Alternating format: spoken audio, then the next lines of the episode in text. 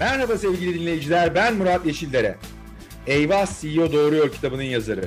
Toplumsal cinsiyet eşitliği aktivisti ve kadrolu podcastimiz. Çalışan kadınların doğurmasını gayet normal karşılayan podcast serimde başarılarıyla ilham veren kadınları konuk olarak ağırlıyorum. Şimdi sıkı durun. Türkiye'nin ilk %100 cinsiyet eşitliği garantili podcastinin bu haftaki konuğu Gülcan Özer. Gülcan Hanım hoş geldiniz. Merhabalar Murat Bey. Ee, bu hafta podcast'te Eyvah CEO Doğruyor'da konuğumuz psikiyatrist doktor Gülcan Özer. Ee, onunla kadınlık, erkeklik hallerini, çift terapisini, toplumsal cinsiyet eşitliğini konuşacağız. Bir de maalesef e, ülke olarak zor bir dönemden geçiyoruz ve bu döneminde bu konuştuğumuz toplumsal cinsiyet eşitliği odağında e, yarattığı travmanın e, etkilerini onun uzman e, bakışıyla, görüşüyle değerlendirmeye çalışacağız. Ama ben e, öncelikle sizin kitabınızın başlığına bayıldım. Herkes kendi hayatının kahramanı. E, bir de sizin bu hayal kurma konusundaki e, heyecanınıza, tutkunuza bayıldım. E, bu zor bir dönemden, hakikaten e, üzücü bir dönemden geçiyoruz ama insanlara ilham vermek, enerji vermeyi de istiyorum. Birazcık bu herkes kendi hayatının kahramanını konuşalım. Bize anlatır mısınız? Nasıl oluyor herkes kendi hayatının kahramanı? Şimdi kitabın ismini eee, kızım koydu. Zannediyorum o vakitler Enfes, daha da 15-16 harika. yaşındaydı. Evet evet 15-16 yaşındaydı sanıyorum o vakitler. Eee, ve aslında biz bir isim arayışı içindeydik. Çünkü ben o kitabı çok zor yazdım. Utandım biraz yazmaktan. Hani, herkesin bildiği şeyleri yazıyormuşum gibi bir kaygıya kapıldım. Eee, fakat daha sonra yazdıkça aslında epey çok hikayemin biriktiğini fark ettim. Oradan e, yazdıkça benim için şöyle bir şeye dönüştü hayat hikayesi. Çok fazla uyaran vardır ya hayatta. Hani bir biz varız, kendi omurgamız var, ruhsal omurgamız. Bir de aslında içinde doğduğumuz an, mekan, aile böyle genişliğe genişliğe gidiyor. Memleket, dünya, vakit. Ve e, psikiyatrinin şöyle bir yere gelmişliğini de fark ettim aynı zamanda. Çok fazla ebeveynlerin e, falakaya çekildiği ve aslında dış dünyanın iç dünyamızın mesulü olarak sorumlu tutulduğu son onlu yılları yaşıyoruz ve bana biraz fazla geliyor.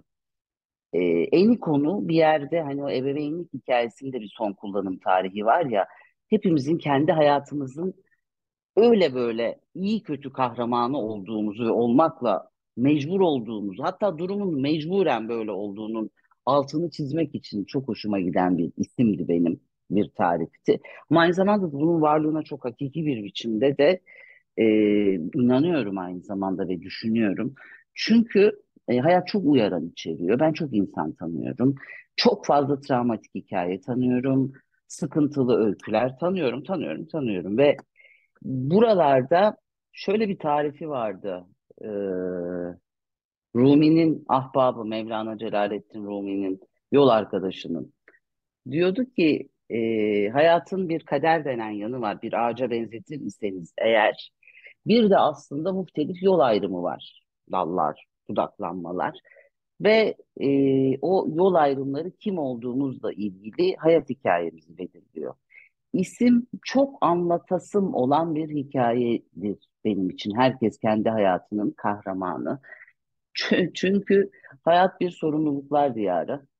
Duygusal sorumluluklar, kişisel sorumluluklar, dışsal sorumluluklar ama en çok kendine ait sorumluluklar ve kendi hayatının kahramanı olmaktan vazgeçince çünkü refleks olarak hepimiz kendi hayatımızın bence kahramanıyız ama aslında bundan muhtelif şekilde vazgeçtiğimiz vakit o hayat akışıyla ilgili olağanüstü aksaklıklar olmaya başlıyor. Bunun adına evlilik dersiniz, bunun adına ebeveynlik dersiniz.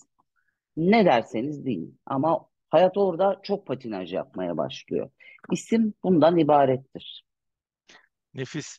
E, diyorsunuz ki gücünüz yeterse kendi ruhunuzla tanışın, kendinize samimi olmanın haf hafifliğini yaşayın. Peki ya yetmiyorsa gücümüz? Tanışmayacağız. Yani bu bir güç meselesi.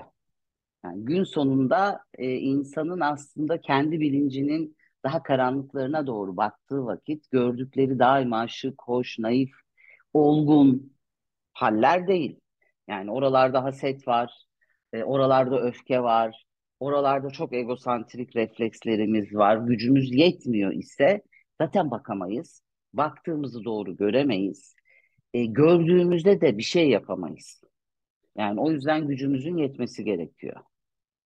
Peki siz çift aile terapisi konusunda e, e, uzmansınız. Bu konuda dediğiniz gibi e, çok uzun e, bir dönemdir e, tecrübeleriniz var.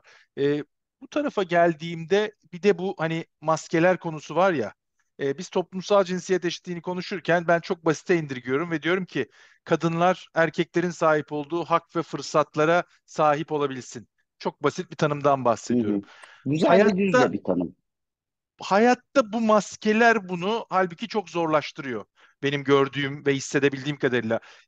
Size sorayım hani hem bunu demin anlattığınız gibi çok farklı tırnak içinde travmatik hikayelerde de gözlemlemiş, deneyimlemiş birisi olarak o maskeleri kadının ve erkeğin e, tek başına hani aynaya bakarak ya da bakmayarak kaldırabilmesi ne kadar kolay oluyor? Valla herkesin e, bir terapiste gitmesi şart değildir. Yani yekten bunu söyleyerek başlayayım. Yani hayat çünkü en konu kendi içimize bakabilecek kadar bize muhakeme veriyor. Ee, üstelik içinde bulunduğumuz dünyada bir bilgi diyarı haline gelmiş durumda. Yani epey kendini kendiyle ilgili merakı olan insanın e, kendisinin konumlandırıldığı yer e, maskeleri hakkında bir bilgisi oluyor. Bilgilenmek isteyen birinin. Mutlak hepimizin bir terapiste gitmesi ve o maskelerimizi elden geçirmesinin şart olduğunu düşünmem. Ve fakat e, şimdi insan en iyi konu bir hayat yolculuğu. Yani geriye ben 20 yıl önceme ve ondan bir 20 yıl önceme baktığımda kendimi hiç aynı bulmuyorum ve aynı bulmanın çok kederli bir durum olacağını düşünüyorum aynı zamanda. Bu süre içinde benim epey iyi giden ve epey iyi gitmeyen, olgunlaşan, tekamül eden, öyle kendi halinde kalan muhtelif yanım var. Bu içe bakma denilen hikaye e, müthiş bir samimiyet istiyor. Yani kendine torpil geçmemeyi istiyor. Birinci koşulu bu. Yoksa ben mühim oranda çoğumuzun aslında bu reflekse sahip olduğunu, hatta bu güce de sahip olduğunu düşünüyorum. Fakat tabii insanın o kendine torpil geçme refleksi bulunduğu durumu tarif etmesini engellemiyor. Yani kendiyle ilgili bir tespit yapıyor insan canlısı. Şu içinde bulunduğumuz onlu yıllarda. Bu biraz yükselen de bir değer, biraz moda aynı zamanda. Yani kendimizi bir tarif edebiliyoruz, kendi ruhsal iklimimizi. Bu ruhsal iklimimizi bir şeylerle bağlantılandırıyoruz. Bu da yine daha akışta bir şekilde kendi çocukluğumuzla, tarihimizle, e, işte yaşadığımız baskılarla, daha travmatik denebilecek olaylarla ki her kederli olay travmatik değildir. Bunlarla bağlantılandırıyoruz, anlamlandırıyoruz, ilişkilendiriyoruz ve nihayetinde kendimizin bulunduğu sıkıntıyla ilgili bir neden sonuç ilişkisi kuruyoruz. Şimdi buraya kadar her şey tamam. Bunu epey böyle e, toplumsal olarak da öğrenmeye teşne haldeyiz.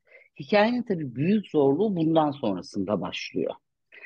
Ee, ne olursa olsun hani hayatı illaki geriye doğru okuyoruz. Kaçınılmaz. İyi bir okumamız olması lazım üstelik tarihimizle ilgili. Fakat hani o ileriye doğru yaşarken e, o okuma yazma bilgisinin dışında da yeni okumalara ihtiyacımız var. Bir kere ebeveynlerin mutlaka bir son kullanma tarihi var. Yani biz her ne şekil e, altını çiziyorum. Özel travmatik her travmatik hikaye şu demektir. Herkes Çok özür dilerim. Için... Benim anlamam için belki dinleyiciler mi? Ebeveynlerin mi, ebeveynliğin mi? Çünkü bence o da ikisi de farklı. Son kullanma tarihi. Ebeveynlerden tahsil edemediğimiz alacakların bizim üzerimizde yarattığı etkinin bir son kullanma tarihi var. Okay. Söylediğim bu. Yani içinde bulunduğumuz 10'lu, 20'li, 30'lu yıllarda bir açıklama hali var. Ve aslında diyoruz ki ya ben çok kaygılı biriyim diyoruz. Ya da çok takıntılıyım diyoruz. Ya da aslında romantik ilişkide e, işte kontrol edemediğim öfkem var. Çünkü diyoruz ve aslında tarihimizle birleştiriyoruz ya onu. Şimdi bu bir okuma yazma, sıklıkla da doğru bir okuma yazma ve fakat engelleri olan bir okuma yazma. Çünkü bu bir vakit sonra ben bunu çok sık görüyorum son yıllarda ve çok benim için böyle bütün dikkatimi buna doğru transfer etmeye başladım. Ee, bir insanı temize çeken bir yan oluyor bu. Yani o hayatla ilgili kendi kişisel sorumluluğu var ya sorumluluk da buraya çok uygun bir kelime bile olmayabilir. Daha sert bir kelime, daha rasyonel bir kelime. Ama bizim duygusal sorumluluklarımız da var. Yani kendimizle ilgili, kendimizi ehlileştirmekle, iyileştirmekle ilgili. İşte o sorumlulukları sıklıkla o bulduğumuz neden sonuç ilişkisiyle e, çok da güncellemeyebiliyoruz. Şimdi bu önümüzdeki büyük dertlerden bir tanesi. E, maskeden hani kadın ve erkek maskesi değil mi? Kimliklerimiz var. Ben ona belki toplumsal kimlik diyebilirim. Hmm. Bunlar birbirine çok benziyorlar. Hani daha böyle splitin olduğu bir coğrafyada yaşıyoruz ve dolayısıyla işte Siverek'teki kadının kadın kimliğiyle işte Levent'teki kadının kadın kimliği çok aynı olmayabiliyor. Yani burada bir toplum içerisinde beklenenden daha ayrıksı bir hal var ortada. Fakat dip en dibe indiğiniz vakit e, bir takım tarifler var. Bunlar her türlü sosyokültürde değişmez olarak kalıyor kadınla ilgili. Bu tariflerin bir versiyonu da erkeklerde var. Onlar da kalıyor. Hani biri daha iktidarlı ve daha güçlü olmakla cezalandırılmış durumda. Ee, diğeri ise e, kariyer de yaparım, çocuk da yaparım. Aslında adil ve eşitlikçi bir hayatta da yaşarım fantazisinin olağanüstü zorluğuyla cebelleşiyor aynı zamanda. Dolayısıyla hani o kimlikler sadece kadınları değil, erkekleri de hedef ediyor diye düşünüyorum. Bu son söylediğiniz hani kariyer de yaparım, çocuk da yaparım aslında e, haddimi aşmak istemem ama toplumun bize yüklediği o borç ya da sorumluluk ya da yükümlülük ya da toplumun kadına yüklediği e, to- borç, sorumluluk ya da yükümlülükle de ilgili mi? Yoksa bu da hani DNA'nın parçası olarak o kimliğin Ben parçası olarak mı DNA'nın geliyor? yani şimdi anne olmak ya da doğurganlık e, nereden bakarsanız bakın kadın erkek ilişkisinin gün sonu omurgası doğurganlık. Yani antropolojik olarak da e, bakın sosyolojik olarak da bakın psikiyatrik olarak da bakın doğurganlık çok mühim. E, ve e, anne olmakla baba olmak çok yakın zamana kadar çok aynı hikaye değil. Hala çok aynı hikaye değil. Muhtemelen birinin böyle epey uzayan bir hazırlığı var. Ee, böyle nesiller boyu akan, bayağı kolektif bilinç dışıyla gelen anne olmakla ilgili bir kodlamanız var. Yani bu e, biyolojik bir kodlama ve aynı zamanda da öğrenilmiş bir kodlama. Baba olmak denilen hikaye ise daha dışarıda kalınan, daha e, daha misafir sanatçı olunan bir yer. Tarihte böyle. Bugün itibariyle babaların bir kısmı için hikaye böyle değil. Onlar hep baştan itibaren aktif babalık yapmak istiyorlar. Şimdi bu kadının anne ol, ben iki çocuğu olan bir kadınım. Ee, ve aslında hayatta kendimi ilk sırada herhalde anne olarak tarif ederim. Ee, bana en çok hayatta ne sevdiniz diye sorsanız, yaşanmış bir hayat kabul ederim hayatımı. Ee, doyumları iyi olan bir hayat kabul ederim. Açık ara fark annelik derim. Yani bunlar bana ait hisler. Ee, annelik zor bir iştir.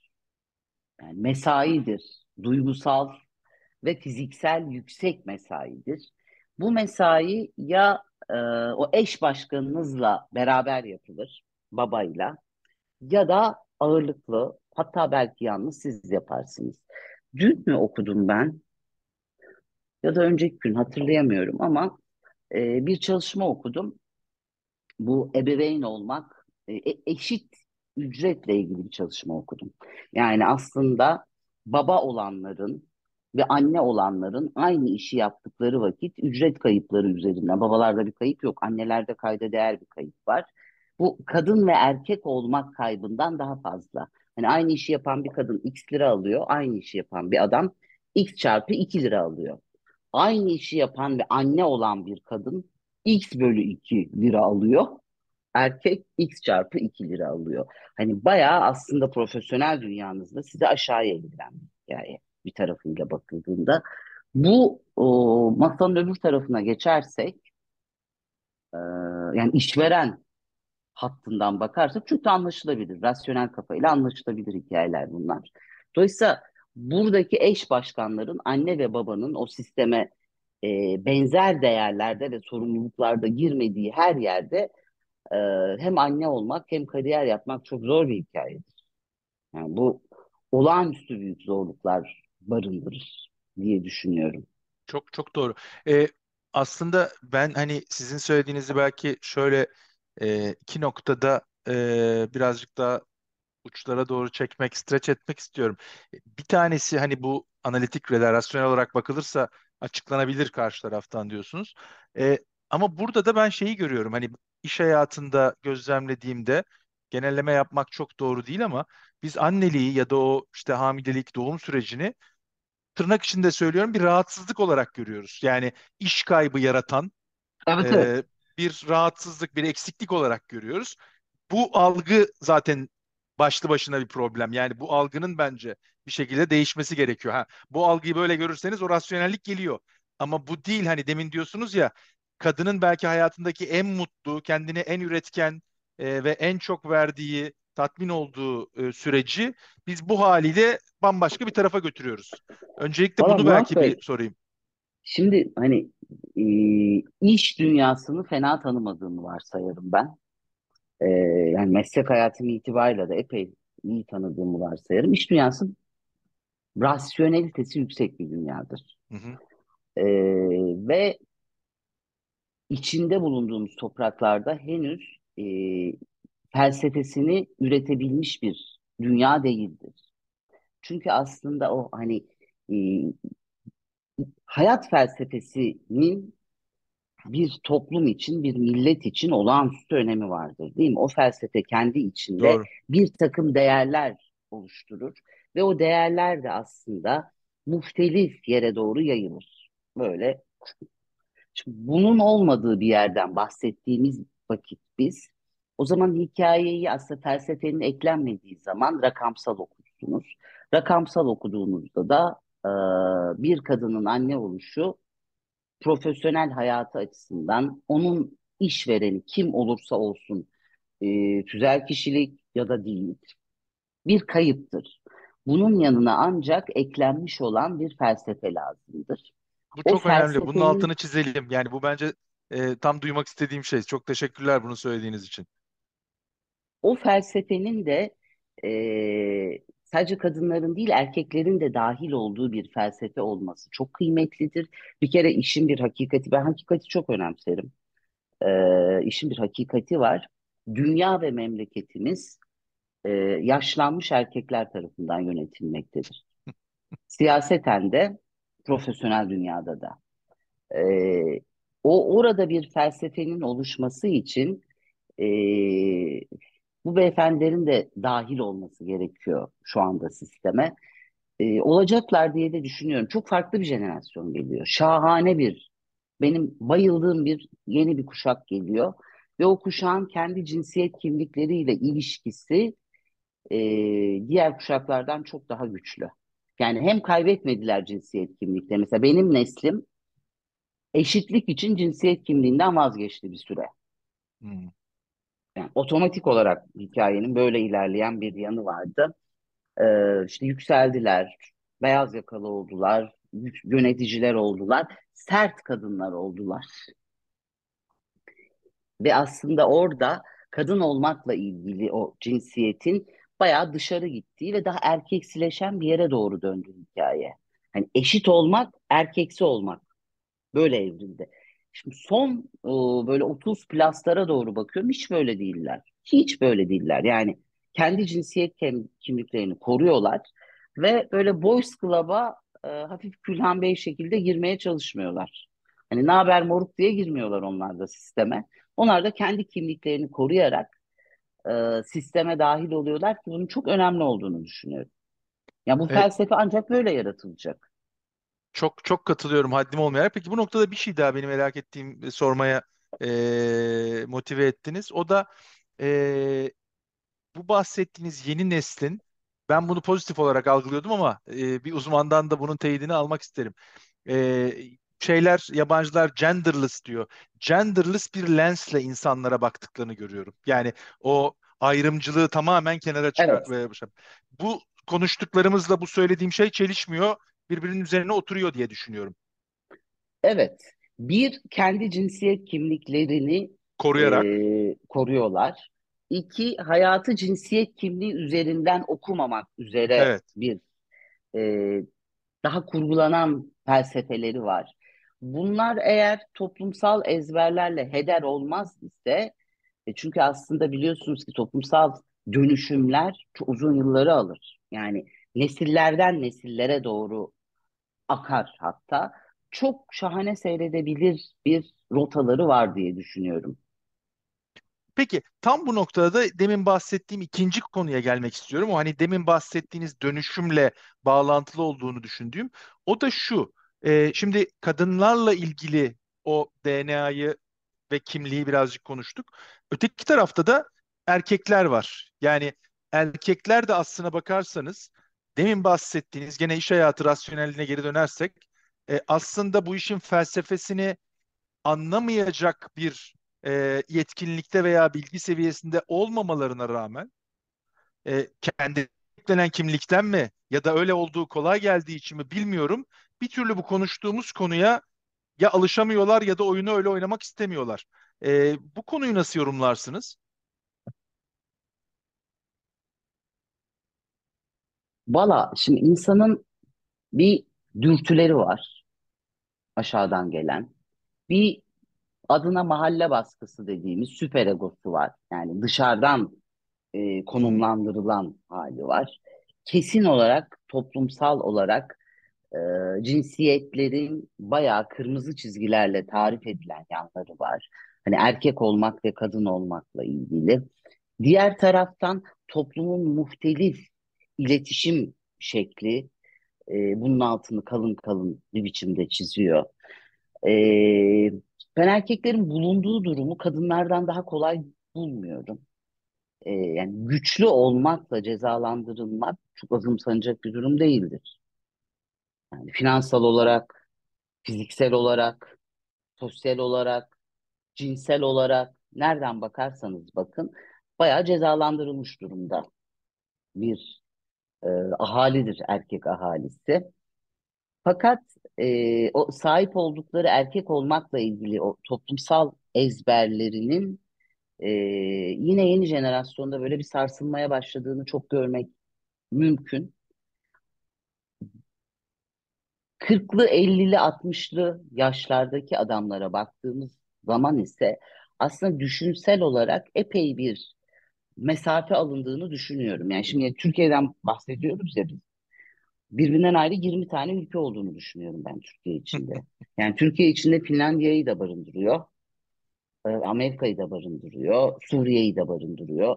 E, bayağı hayat yaşayış biçimi itibarıyla.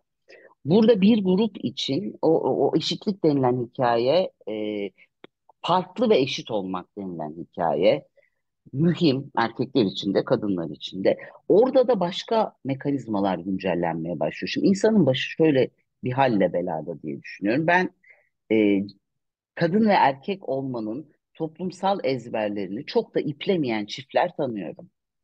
Fakat oralarda da bizim e, o dip bilgimiz güncelleniyor. Misal kadınlar diyorlar ki ya ben kendimi daha naif, daha kırılgan hissetmek istiyorum ilişkide. E, daha eril bir kimlik istiyorum. Tamam hani eril ne demek? Eril bayağı güçlü demek. E, işte beni koruyabilen demek. Sırtımı dayayabileceğim demek. E, hatta mesela bilinç dışı denilen yer o kadar karanlık bir yer ki işte yemek yeniyor. Adam topluyor e, yemek tabağını götürüyor makineye koyuyor ve mesela bu bir kadın için eril olmayan bir usul olarak bulunuyor değil mi? Burada böyle katman katman hikaye var. Aslında bir bilincimizin istediği var. Bilincimiz daha eşitlikçi bir hikaye istiyor. Bilinç dışımız zaman zaman şaşırıyor. Yani O kadın ve erkek olmakla ilgili kodlar çapraz olarak da var. Yani bir kadının da zihninde bir eril figür ve bir erkeğin de zihninde bir dişil figür var. Ve bunların hepsi birbirinin içinde bulamaça dönüyor. Yani şöyle düşünmeye başladım ben son yıllarda. Sanki bizim romantik dünyamızın içi ve romantik dünyamızın dışı diye iki yer olmalı. Ve e, o daha romantik dünyamızın işi as, içi aslında e, bizim o dişil ve eril yanlarımızın daha karşılıklı aktığı. Bu dış dünya dediğimiz yer ise e, cinsiyet kimliklerini koruduğumuz ve eşitliği çok mühimsediğimiz bir yer olmakla mükellef gözüküyor. Çünkü aslında bu ağır cinsiyetsiz olma hali geçmiş böyleydi Murat Bey. Yani ben 56 yaşındayım. Kendi gençlik yıllarımda eşit olmak cinsiyetsiz olmaktı. Cinsiyetsiz olmak kadınların cinsiyet kimliğini kaybetmesi demekti. Yani bayağı daha erkeksi olması demekti.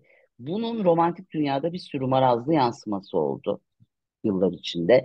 Şimdi bugün ise bu kadınlar aslında daha e, daha güçlü de kadınlar aynı zamanda o kendi cinsiyet kimliklerini, dişil kimliklerini korumayı çok önemsiyorlar mutlaka. E, ve fakat eril buldukları adamlarla da olmak istiyorlar. Ama bu hmm. adamların e,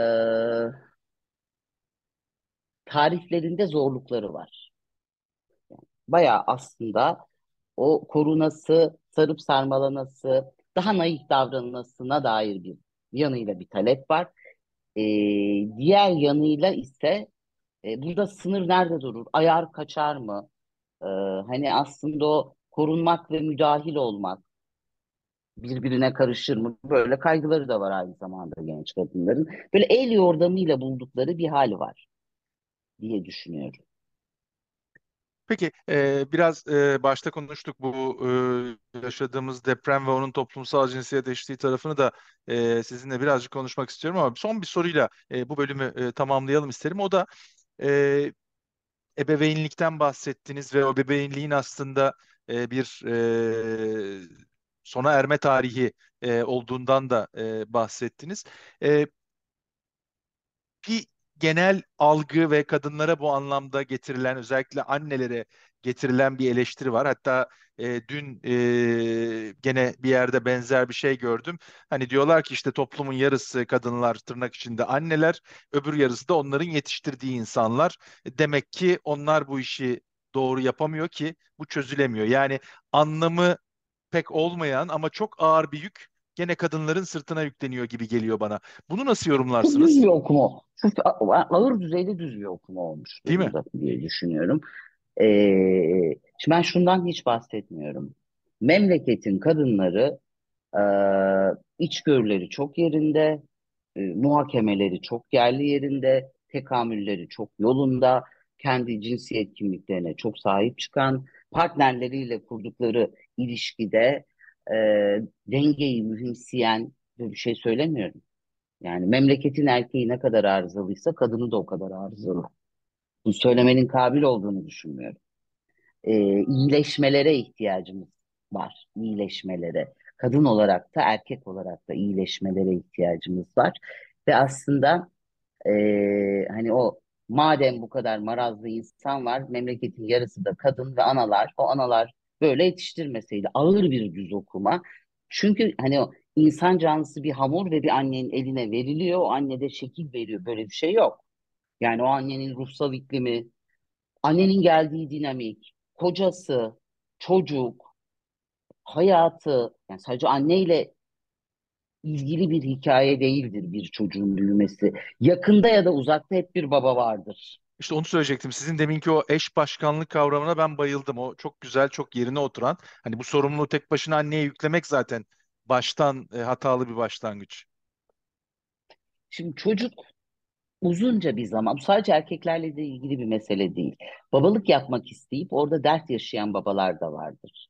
Çünkü aslında anneliğin e, zorlu bir başlangıç annelik. Yani bir, bir canlı doğuyor ve onu hayatta tutacaksınız. Olağanüstü bir kaygı. Ve aslında bu kaygının e, bir süre sonra sizden başka hiç kimsenin o çocuğun ihtiyaçlarını sizin kadar iyi bilmeyeceği bilgisiyle ki bu doğru da olabilir e, diğer bütün ilişkilere müdahil hale gelebilirsin. Hatta denir ki babalık annenin izin verdiği kadar yapılır. Babalık yapmak isteyenlerde. O eş başkanlıkta bir babalık yapmayı istemek çok kıymetli. Yani aktif babalık yapmayı istemek, hani çocuğun büyümesini beklememek, vaktin gelmesini beklememek, esas oyuncu olmak. Babalar için bu çok kıymetli ve babalar çocuklara lazım. Annelerin de annelerin de babaların babalık yapışına özel bir maraz olmadıkça müdahil olmaması gerekiyor. Herkesin bahtına bir anayla baba düşer. Çocuk onlarla öğrenecek ve onlara ebeveynliği de öğretecek aynı zamanda. Dolayısıyla eş başkanlıkta annelerin de bir miktar geri çekilmesi gerekiyor.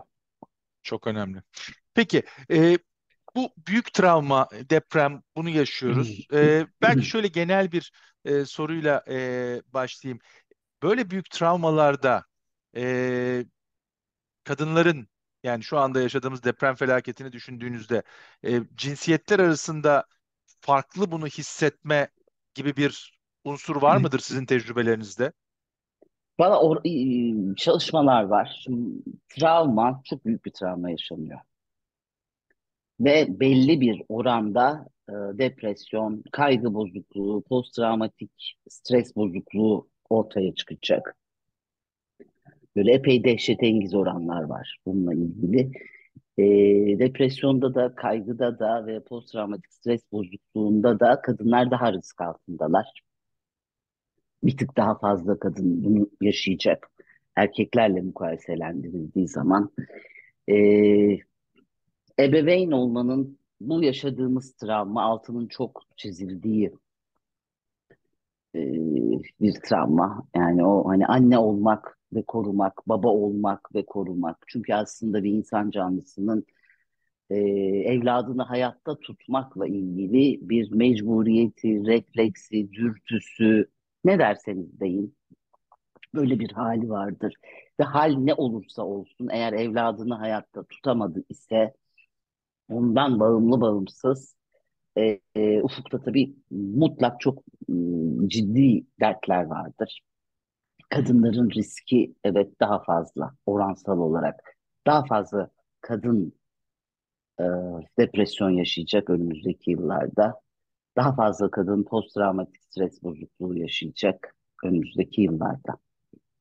E, ben bugünkü toplantıya e, bu podcast yayınına hazırlanırken birazcık e, haddim olmayarak ev ödevi yaparken tam demin sizin söylediğinizi e, gözlemledim bir iki tane yayında. Hatta onlar daha da ileri gidip demişler ki belki de o yaşanan travmadan çok özellikle de kadınlar için, anneler için bunu söylüyorlar. Onlara o yüklenen sorumluluk post travma stresi yaratıyor. Hani depremden çok eyvah evet. ben sevdiklerimi koruyabilecek miyim veya onları evet. güvende tutabilecek miyim? Evet. Ee, şimdi anne olmak tabii kimi vakit dünyanın annesi olmaya doğru dönüşebiliyor.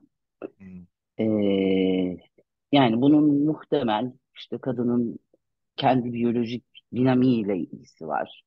Muhtemel zaten anne oluşu ve tanış oluşuyla ilgisi var. Ve fakat hiç anne olmayan kadınlar için de bu kapsayıcı hal var. Bunun e, travmatik hikayelerde kayıpları olan travmatik hikayelerdeki e, karşılığı çok serttir.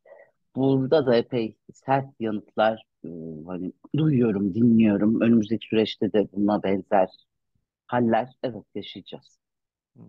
Peki e, bir de yani tabii bizim programımızın amacı o değil. Bizim podcast'imizde biz buna odaklanmıyoruz ama e, bu geldiğimiz noktada sizin verdiğiniz yanıtlardan şu soruyu da sormadan geçemeyeceğim. E, böyle bir süreci bölgede yaşayanlar için durum çok daha farklı.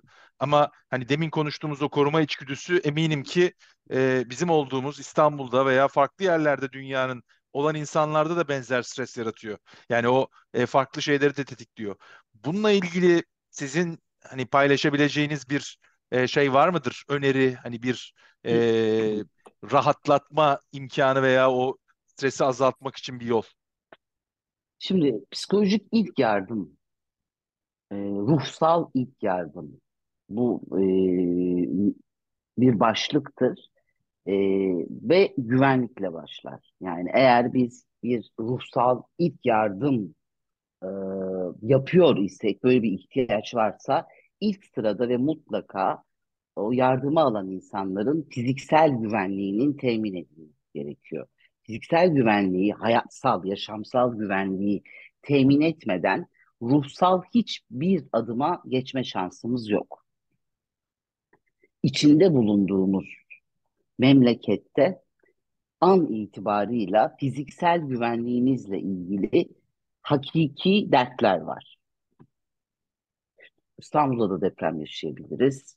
X şehirde de deprem yaşayabiliriz. Ve dolayısıyla burada fiziksel güvenlik denilen hikaye böyle halka halka yayılır ya.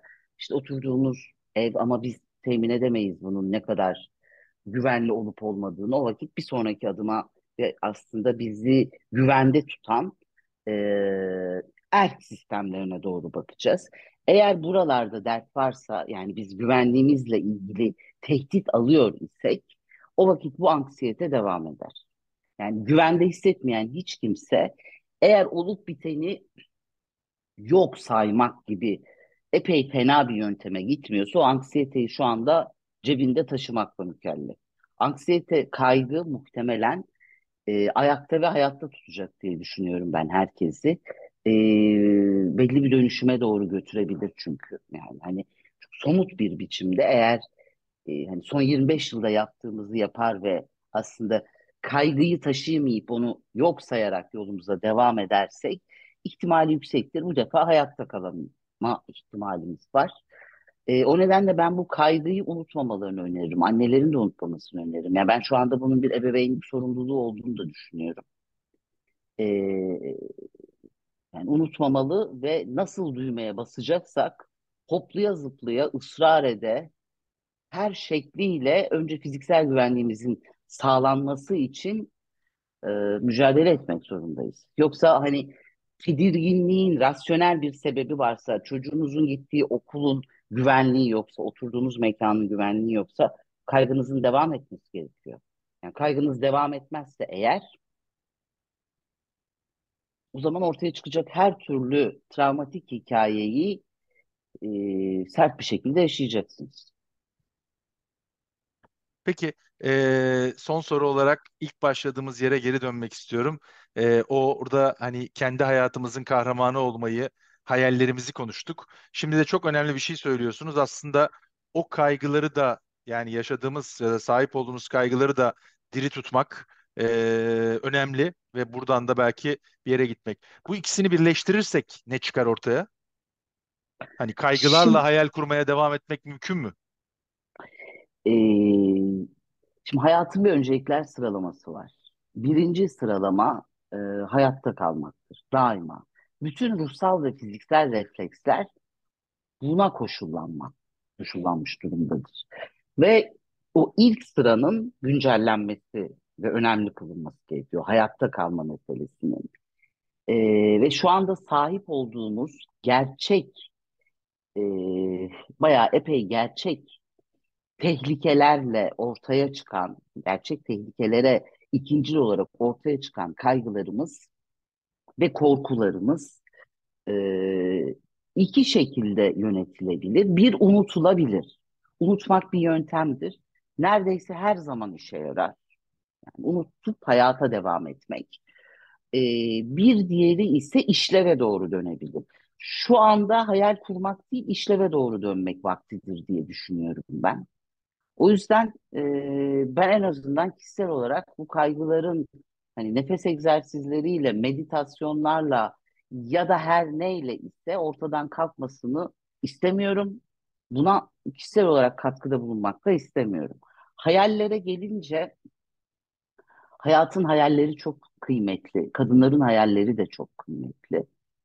Ee, ve aslında hani o hepimizin kendi hayatımızın kahramanı olduğu halde hayatımızın bir anlamı, bizim hayat, hayatın anlamı değil, bizim hayatımızın anlamını kendimizin arayıp bulma şansı da var ya bu anlam mutlaka böyle dağları deviren bir anlam olmayabilir. Benim hayatımın en mühim anlamlarından biri çocuklarımdır misal ve bunu kendi hayatım için kifayet eder de buluyorum aynı zamanda.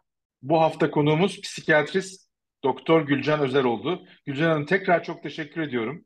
Ee, hem hayal konusunda bizimle paylaştıklarınızda hem de bu kaygı konusundaki benim kafamdaki aradaki e, çelişkiyi e, açıklayarak her ikisinin de aynı bedende, aynı zihinde, aynı kalpte olabileceğini söylediğiniz için çok çok teşekkür ediyorum.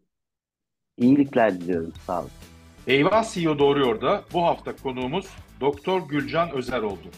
Önümüzdeki hafta farklı bir kadın liderle tekrar karşınızda olmak dileğiyle.